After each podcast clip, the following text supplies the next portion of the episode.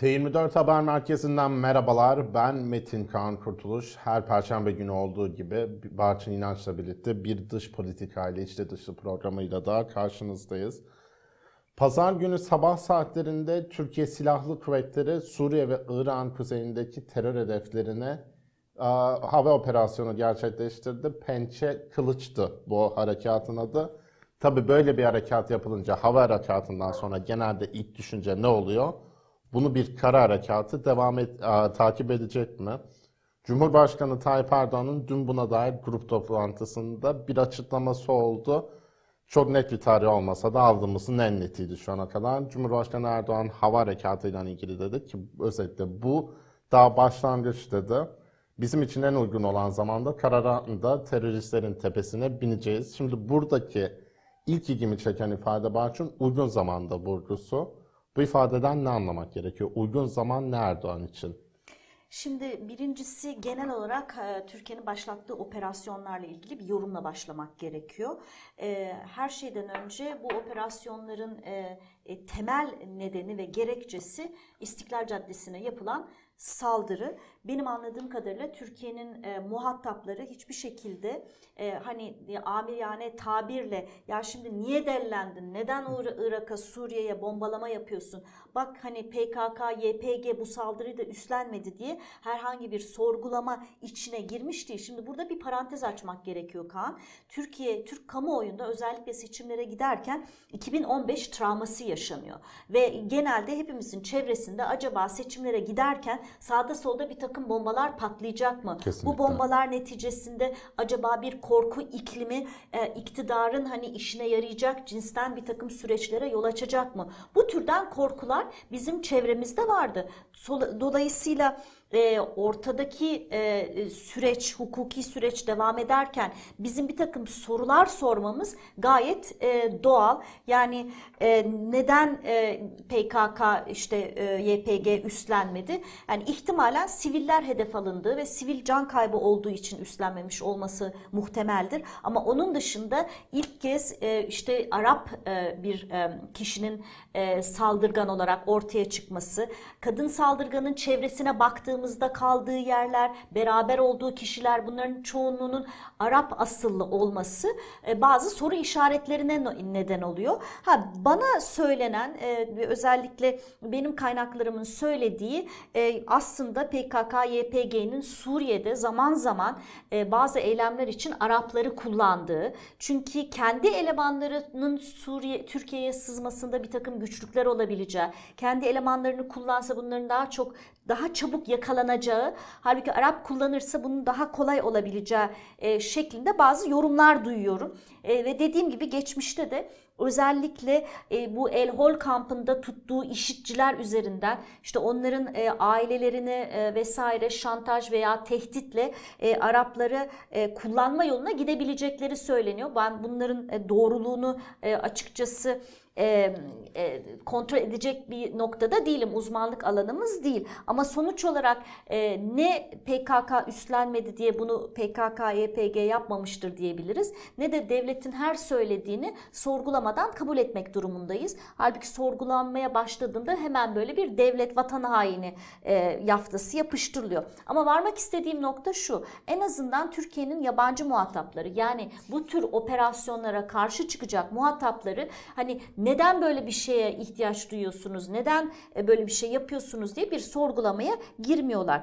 Onun dışında zamanlamayla ilgili bence Rusya'nın e, dikkatinin özellikle şu sıralar Ukrayna'ya yoğunlaşmış olması nedeniyle de belki Ankara kara operasyonu içinde bir uygun zamanlama oluşmuş olabileceğini düşünebilir. Sonuçta Rusya sadece Ukrayna'da e, dikkatini, enerjisini, zamanını oraya e, harcaması tek neden değil. Aynı zamanda e, bu savaş Putin ve Erdoğan arasındaki bağımlılık ilişkisini daha da perçinlemiş durumda. Sonuç olarak Türkiye Putin'e bir nefes borusu sağladığı için Ankara Acaba bunun karşılığında Rusya bazı e, e, operasyonlara daha anlayışlı yaklaşabilir mi diye düşünmüş olabilir. Çünkü şunun altını net bir şekilde çizelim. Cumhurbaşkanı dün meclis grubunda yaptığı konuşmada e, doğrudan e, Amerika'yı hedef aldı. Belki Amerika demedi ama e, bütün çizdiği tabloda Amerika'yı görebiliyorduk. İşte mesela dedi ki bize füzeler yağdığında patriotları çekenleri de biliyoruz dedi. E, bu kim? Amerika Birleşik Devletleri.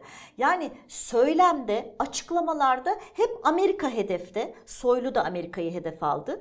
Ama hava operasyonlarına baktığımızda hava operasyonlarının çok önemli bir bölümü e, Rus kontrolünün olduğu yerlerde yani Tel Rifat yani Münbiç e, ve Cumhurbaşkanı yine e, hedef olarak belirlediği 3 alandan ikisi yine Rusya'nın kontrolü altında Tel Rifat, e, Münbiç. Kobane e, ise aslında Amerikalıların kontrolü altında. Yani söylemde genelde gördüğümüz hep Amerikalıların e, hedefte olduğu ama e, bombalanan yerlerin ağırlıklı olarak Rusya'da olduğunu görüyoruz. E, fakat hani Cumhurbaşkanı söylem olarak Rusya'ya çok fazla toz kondurmamaya çalışıyor.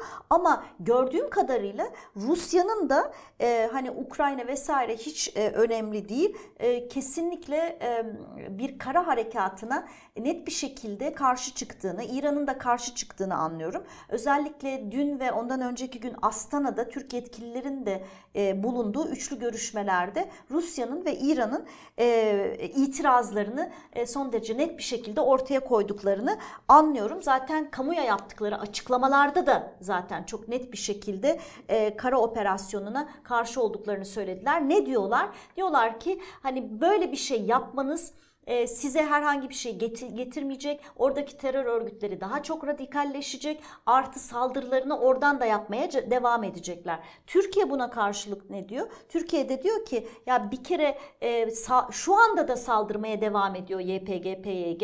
Bize e, füzeler atıyor. Yani biz mümkün olduğu kadar bu PKK, YPG'yi sınırlarımızdan uzaklaştırmak istiyoruz diyor. Ama sonuç olarak Rusya ve İran'ın olası bir kara harekatı hayatına e, karşı olduğunu net bir şekilde e, söylemek mümkün. Yani onlarda bir kıpırdama, e, yumuşama, bir nüans yok. Peki bu açıklamayı biraz daha inceleyecek olursak, şimdi Cumhurbaşkanı Erdoğan daha önce de Suriye ile ilgili operasyonlara açıklamalarda bulundu. Ama burada daha net bir ifadelendirme var. En uygun zamanda karadan da tepesine bineceğiz diyor. Şimdi bu açıklamayla bu kadar ortada değişkenler varken Cumhurbaşkanı Erdoğan biraz da kendini bu operasyonu yanmaya bağlamış olmadı mı? E, Valla açıkçası ben de e, kullanmış olduğu bu e, e sözleri e, kendini baya bir bağlama olarak görüyorum. Ve bu noktadan sonra ben asla şunu söylemem. Muhakkak Türkiye'nin bir kara operasyonu yapması gerekir demem. Ama bir yıl boyunca sürekli kara operasyonu yapacağız yapacağız deyip ondan sonra yapmamak Türkiye'nin e, güvenilirliğini e, e, gölge düşürecektir. Yani iki ay sonra kara operasyonu yapmayıp tekrar kara operasyonu yapıyorum der, derse hiç kimse açıkçası inanmayacak. Ama e, belki şu nedenle de Cumhurbaşkanı e, e, bu söylemi kullanıyor olabilir. Yani ben o kadar kararlıyım ki Rusya'ya ve Amerika'ya bir mesaj gönderiyor olabilir. Ben ben çok kararlıyım. Eğer siz harekete geçmeyecekseniz ben geliyorum. Yani belki de bu kadar kendini bağlayıcı söylemi kullanması e, Amerikalılarla Rusların bir an önce e, harekete geçmelerini sağlamaya dönük bir taktik de e, olabilir. Ama bu ifadelerine baktığımızda sanki ha, ka, kara operasyonu e, gelecek gibi anlaşılıyor ama e, ve buradan da yola çıkarak belki de Amerika'nın hani ilk başlarda konularda daha temkinli açıklama yaparken son dönemde e, son dün gece itibariyle yaptığı açıklamaların çok daha tonunun sertleştiğini de gö- gözlemlemek mümkün. Evet dediğin gibi ABD ilk hava operasyonundan sonra daha dengeli açıklamalar yapıyordu ama dün itibariyle dün akşamki Pentagon açıklaması daha net daha mesajlar içeren bir taneydi. Öncelikle derin endişe duyduklarını belirtti. İşte oradaki personelinin zarar görebileceğine dair endişelerini dile getirdi. Ama burada seninle de daha önce konuştuğumuz ilginç bir cümle aslında. Türkiye ve lokal oradaki partnerlerimizle ateşkesin sağlanması, sürmesi, devam etmesi için özür dilerim. Ama müzakerelerimizi, konuşmalarımızı sürdüreceğiz demiş Amerika Birleşik Devletleri. Şimdi orada ABD'nin yerel partnerleri kim? SDG ve YPG. Bu dolayısıyla ilginç bir nokta olabilir, ilginç bir şey anlatabilir bize. Bu açıklamayı nasıl değerlendiriyorsun? E, yani Amerika Birleşik Devletleri bir kere kesinlikle e, e, yani biraz mesajı aldığını anlıyorum ama bu mesajın gereğini yerine getirecek mi E, onu bilmiyorum. Çünkü sonuç olarak demin de söylediğim gibi Cumhurbaşkanı'nın e, hedef gösterdiği üç yerden bir tanesi Kobane, Ayn, Ayn el Arab diye geçiyor. Kobane sonuç olarak Amerikan Belki askerlerinin da alabiliriz burada. Amerikan askerlerinin de bulunduğu bir yer. Zaten açıklamada e, bizim bu tür operasyonlar e, bizim personelimizi de hedef alıyor demesinin altında bu da var. Neden? Çünkü Türkiye ilk kez hava operasyonuyla e, Kobane'yi hedef almış durumda. Ve e, sonuç olarak e, bir anlamda Amerikalılara ayağımın altından çekil mesajı veriyor. Çünkü Kobane'de Amerikan kuvvetleri de olduğu için hani buradan şu parantezi açabiliriz. İşte bir takım e, tartışmalar var. Türkiye işte izin aldı mı, onay aldı mı? Şunu biliyoruz. Suriye hava sahasının belli bölümü e, Amerika'nın kontrol altında, belli bölümü Rusya'nın e, kontrolü altında. E, bir onay söz konusu olduğunu düşünmüyorum. Benim anladığım ve bana söylenen e, böyle bir e, kapsamlı operasyonlar yapıldığında çünkü son dönemlerde sürekli bir takım e, vurkaç demeyeyim ama böyle sürcik yani operasyonel e, nokta vuruşlar yapılıyor. O nedenle onlar zaten yapılıyor ama böyle çok kapsamlı operasyonlarda benim anladığım taraflar çağrılıyor ve belli bir süre veriliyor. Artık onun süresini ben bilmiyorum. Deniyor ki bir saat içinde, iki saat içinde ya da üç ya da dört saat içinde ben buna başlıyorum.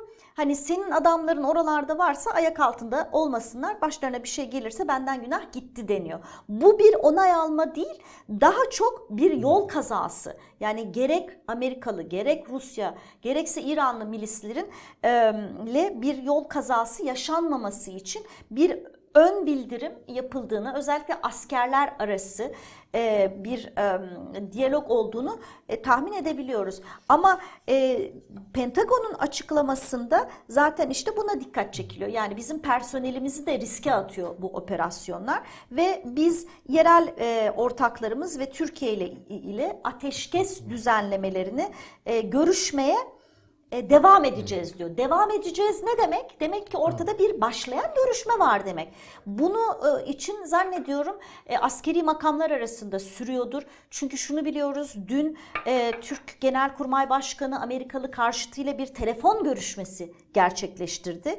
E, o nedenle e, iki taraf arasında bir diyaloğun sürdüğünü yani Amerika ile Türkiye arasında bir diyaloğun sürdüğünü Kobane anlamında Kobane'ye dönük olarak e, düşünebiliriz. Ama hani Rusya ile buna benzer bir görüşme yapılıyor mu bilmiyorum. E, ama bildiğimiz ağırlıklı olarak e, hedeflerin özellikle Rusya'nın kontrolü altındaki bölgelerin ağırlıklı olarak hedef alındığını Kobane e, ise orası bir aynı zamanda sivil yerleşimler de olduğu için zannediyorum orada çok daha dikkatli, çok daha nokta atışları yapılmaya çalışılıyor diye e, görüyorum. Evet dediğin gibi aslında Reuters'ta da bir haber vardı işte Türk ve Suriyeli kaynaklar Türkiye'nin ABD ve Rusya'nın kontrolündeki hava sahasını kullandığına dair bir açıklamaları oldu ama bunların tabii hepsi iddia boyutunda.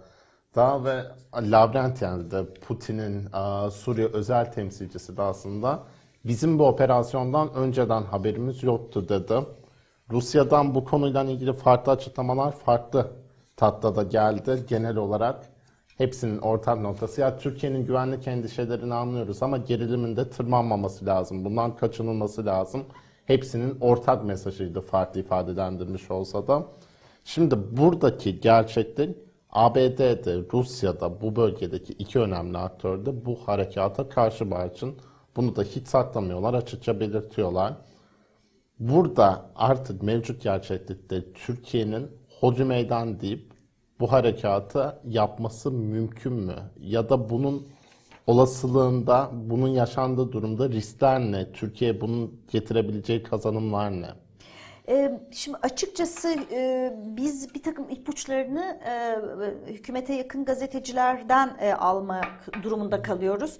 Hürriyet gazetesi yazarı Abdülkadir Selvi'ye göre Pençe Kilit operasyonu yani hava operasyonu Aralık ayının içinde tamamlanması bekleniyor diye yazmış. Ondan sonra Suriye'ye yönelik kara harekatı için geri sayımı başlatmak lazım. Bu kez çok daha geniş kapsamlı bir harekat planlanıyor diye yazmış. Şimdi açıkçası e, kara operasyonu ile hedeflenen nedir?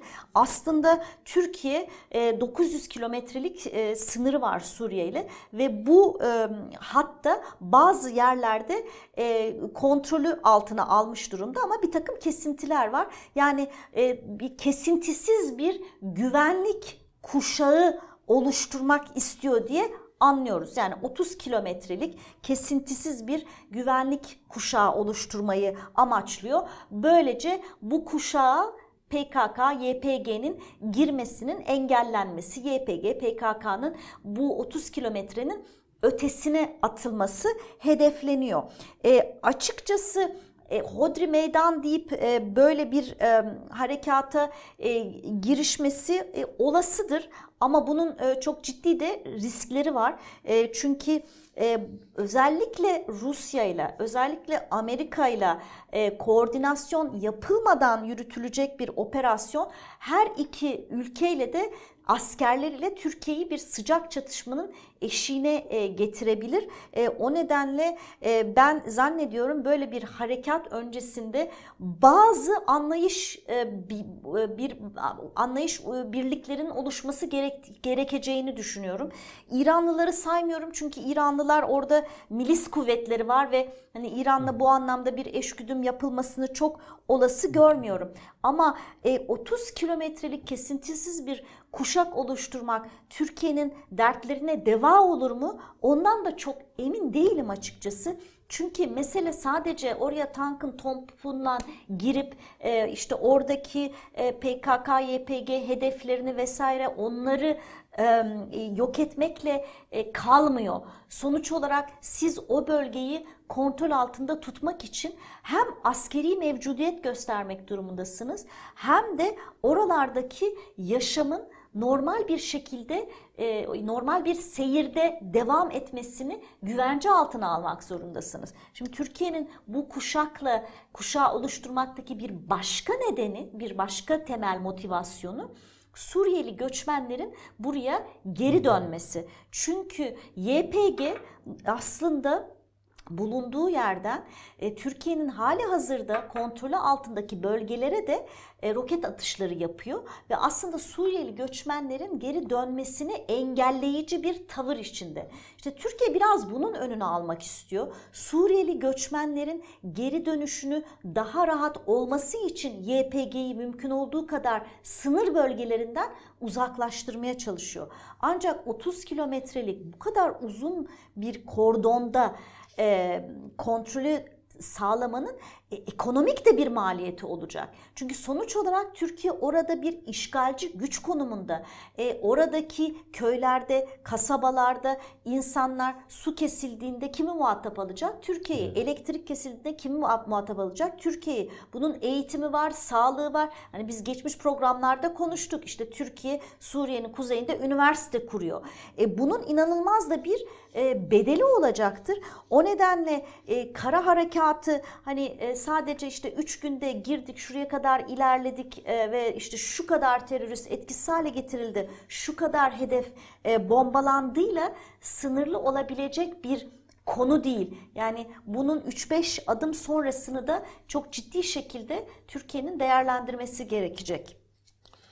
Evet Suriye'de kalalım çünkü aslında Cumhurbaşkanı Erdoğan'ın bize verdiği başka önemli mesajlar da var. Geçen hafta birazcık konuşmuştuk. Geçen hafta Cumhurbaşkanı Erdoğan G20 zirvesinden dönerken Haziran'dan sonra Esad'la ve başka sorun yaşanan liderlerle görüşmeler yapılabileceğinin sinyallerini vermişti. Bu hafta da Erdoğan yine siyasette dargınlık olmaz, Esad'la görüşebilirim dedim. Şimdi Esad'dan görüşme uzun süredir konuştuğumuz bir konu.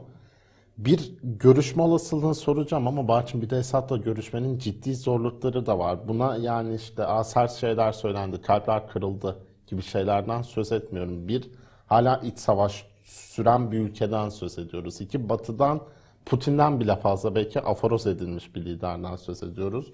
Üç, bir normalleşme sürecinde Türkiye'nin Suriye'de asker bulundurduğu ve dediğim gibi o bölgeyi şu an Esad kontrol etmiyor bile olsa, Şam kontrol etmiyor bile olsa Türkiye'nin orada bir işgalci güç konumunda bulunacağı gerçeğini değiştirmiyor. Aynı zamanda bir seçime giderken Cumhurbaşkanı Erdoğan'ın TSK'yı Suriye'den çekme olasılığı da çok ciddi gelmiyor bana seçimden önce. Bu hepsine birazcık dağınık, geniş bir soru oldu ama bu olasılığı geliyor mu böyle bir görüşme yapılması? Diyelim ki olası zor değil mi? E Şimdi açıkçası yine hükümet e, yanlısı gazetecilere baktığımızda sanki seçim öncesi de bir e, e, Erdoğan e, el sıkışması e, olur gibi yorumlar e, görüyoruz.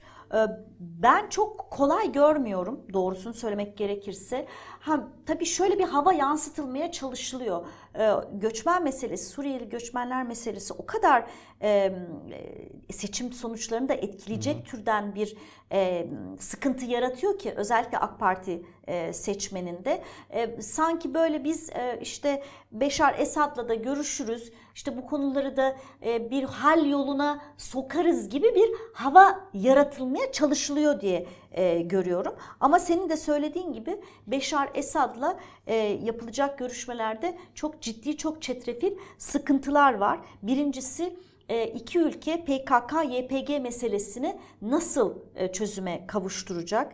E, burada İran var, burada Suriye var, burada Amerika var. Bu oyuncularla da koordine ederek Türkiye'nin YPG, PKK meselesini Suriye ile ele alması gerekiyor. Yani ben bunu Esad'la görüşürüm, diğerlerinde ne düşündüğünü hesaba katmam, böyle ilerlerim diyebileceği bir mesele değil. İkincisi Türkiye'nin desteklediği muhalif gruplar ne olacak? Senin dediğin gibi Türkiye e, Esad'ın karşısına oturduğunda ya sen bu PKK'yı e, işte e, bir şekilde halletmeye çalış dediğinde karşısından alacağı cevap ne olacak? Esad diyecek ki ya sen bana karşı gelen muhalif grupları silahlandırıyorsun. Sen bunları ne yapacaksın?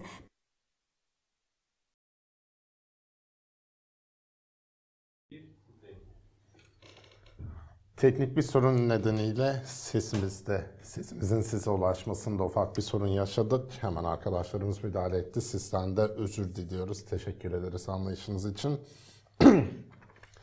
Barçın Esad'ı konuştuk. Normalleşmede önemli bir gelişme yine geçen hafta yaşandı. Dünya Kupası Katar'da başlarken artık maçlara odaklanalım derken Cumhurbaşkanı Erdoğan'la Sise'ye sıkıştı.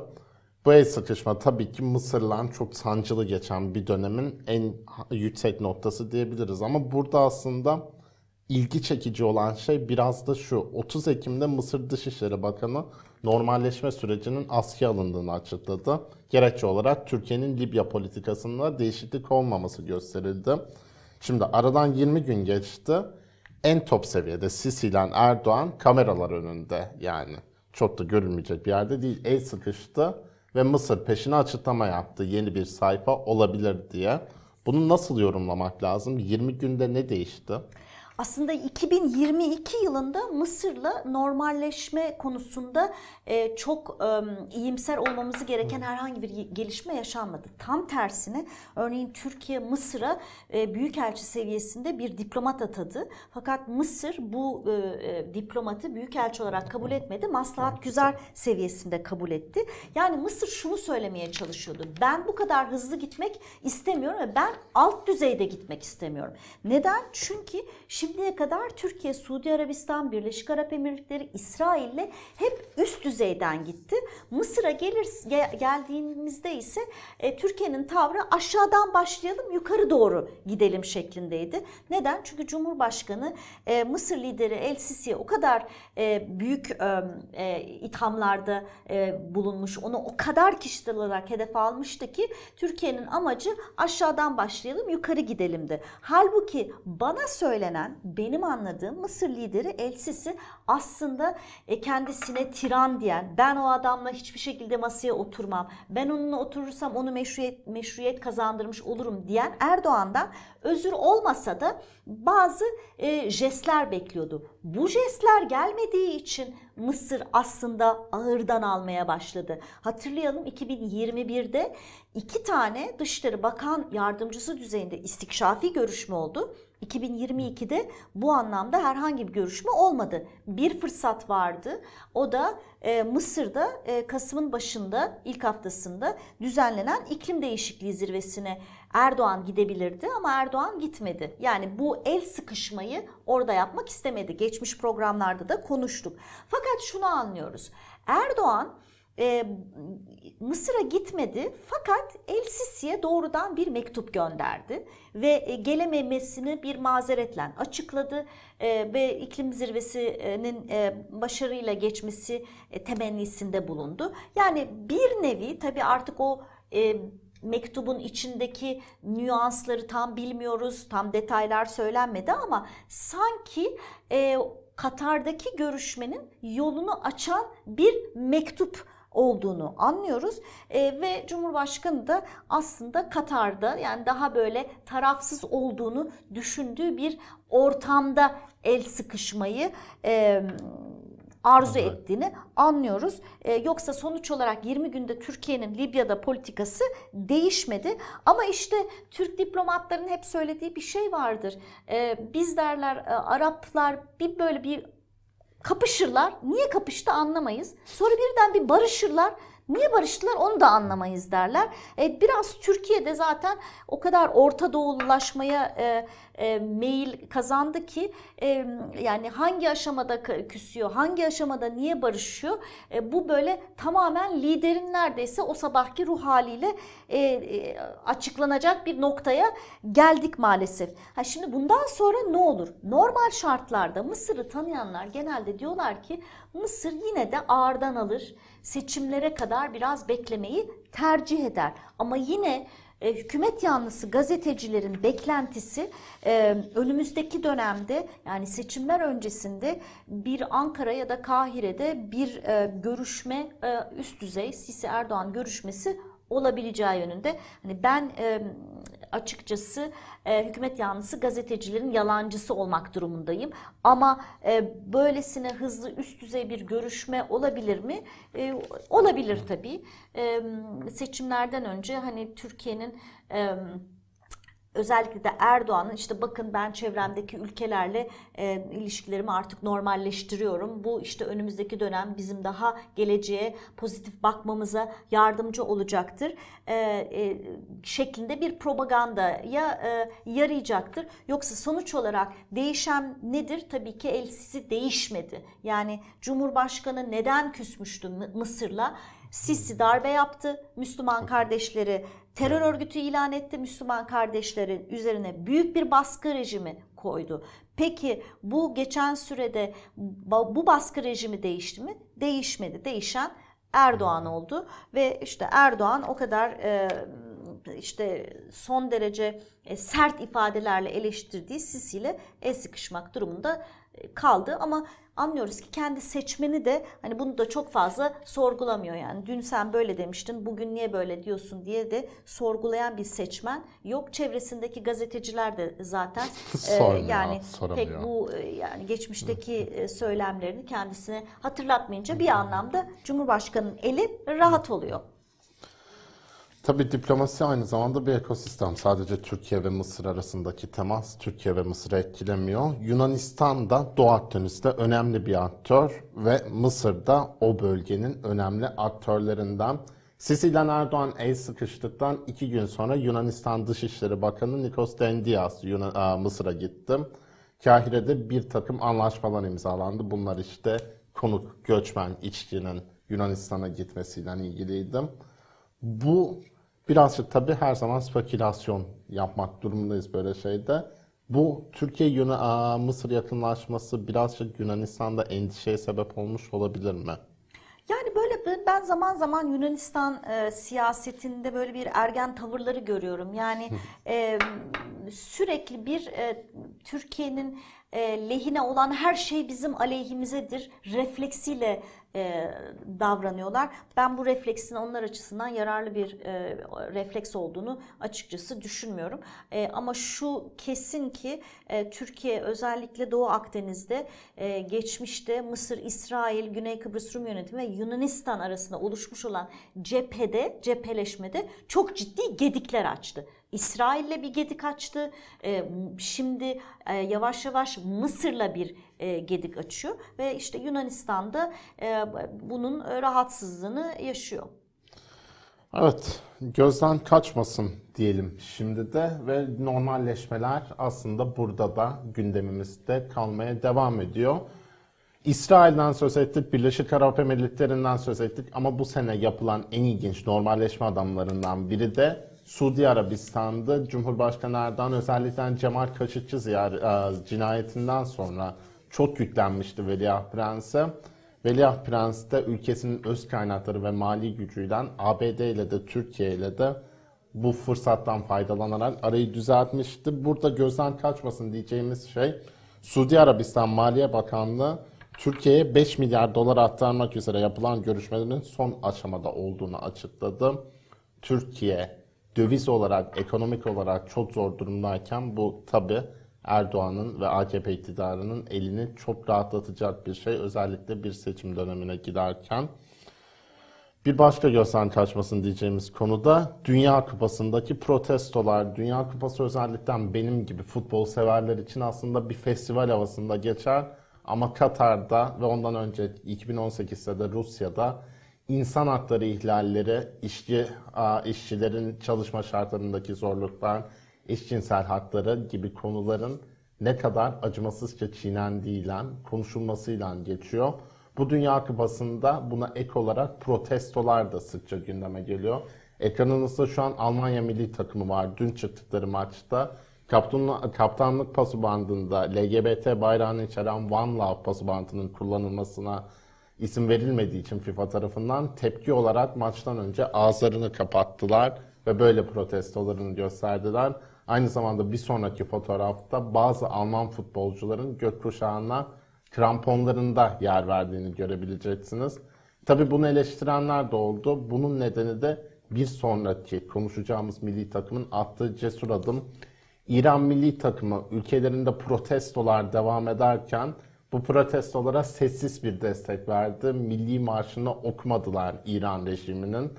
Tabi bundan önce milli takımın Katar'a giderken reisinin önünde eğilmesi protestocuların büyük tepkisini çekmişti. Böyle de belki bir denklik yaratmak istediler. Bu protesto sürerse İran'a döndüğünde bu futbolcuların ciddi ceza alabileceği konuşuluyor. İran'da da protestolar sürüyor. E durum böyle olunca da yani İranlı futbolcular birazcık canını tehlikeye atarken batılı futbolcular neden bir pesibantı takıp sarı kart görmeyi göze alamıyor diye de eleştiriler olabiliyor. Katar'da yapılıyor Dünya Kupası ve buna karşı tabii ki protestolar, böyle direnişler önemli. Çünkü bu tarihinin en tartışmalı Dünya Kupası ve daha grupların birinci maçları bile tamamlanmadı. Bir başka gözden kaçmasın diyeceğimiz konuda Çin Komünist Partisi CHP'ye bir ziyaret gerçekleştirdi bu hafta. İstanbul'da yapılan görüşmede CHP Genel Başkan Başdanışmanı Ünal Çeviköz, CHP'nin yönetim kadrosundan bir isimle görüştü. Seçime giderken CHP'ye artan uluslararası ilgi de böyle dikkat çekti. Basında diyelim ve radarımızda ne var ona bakalım.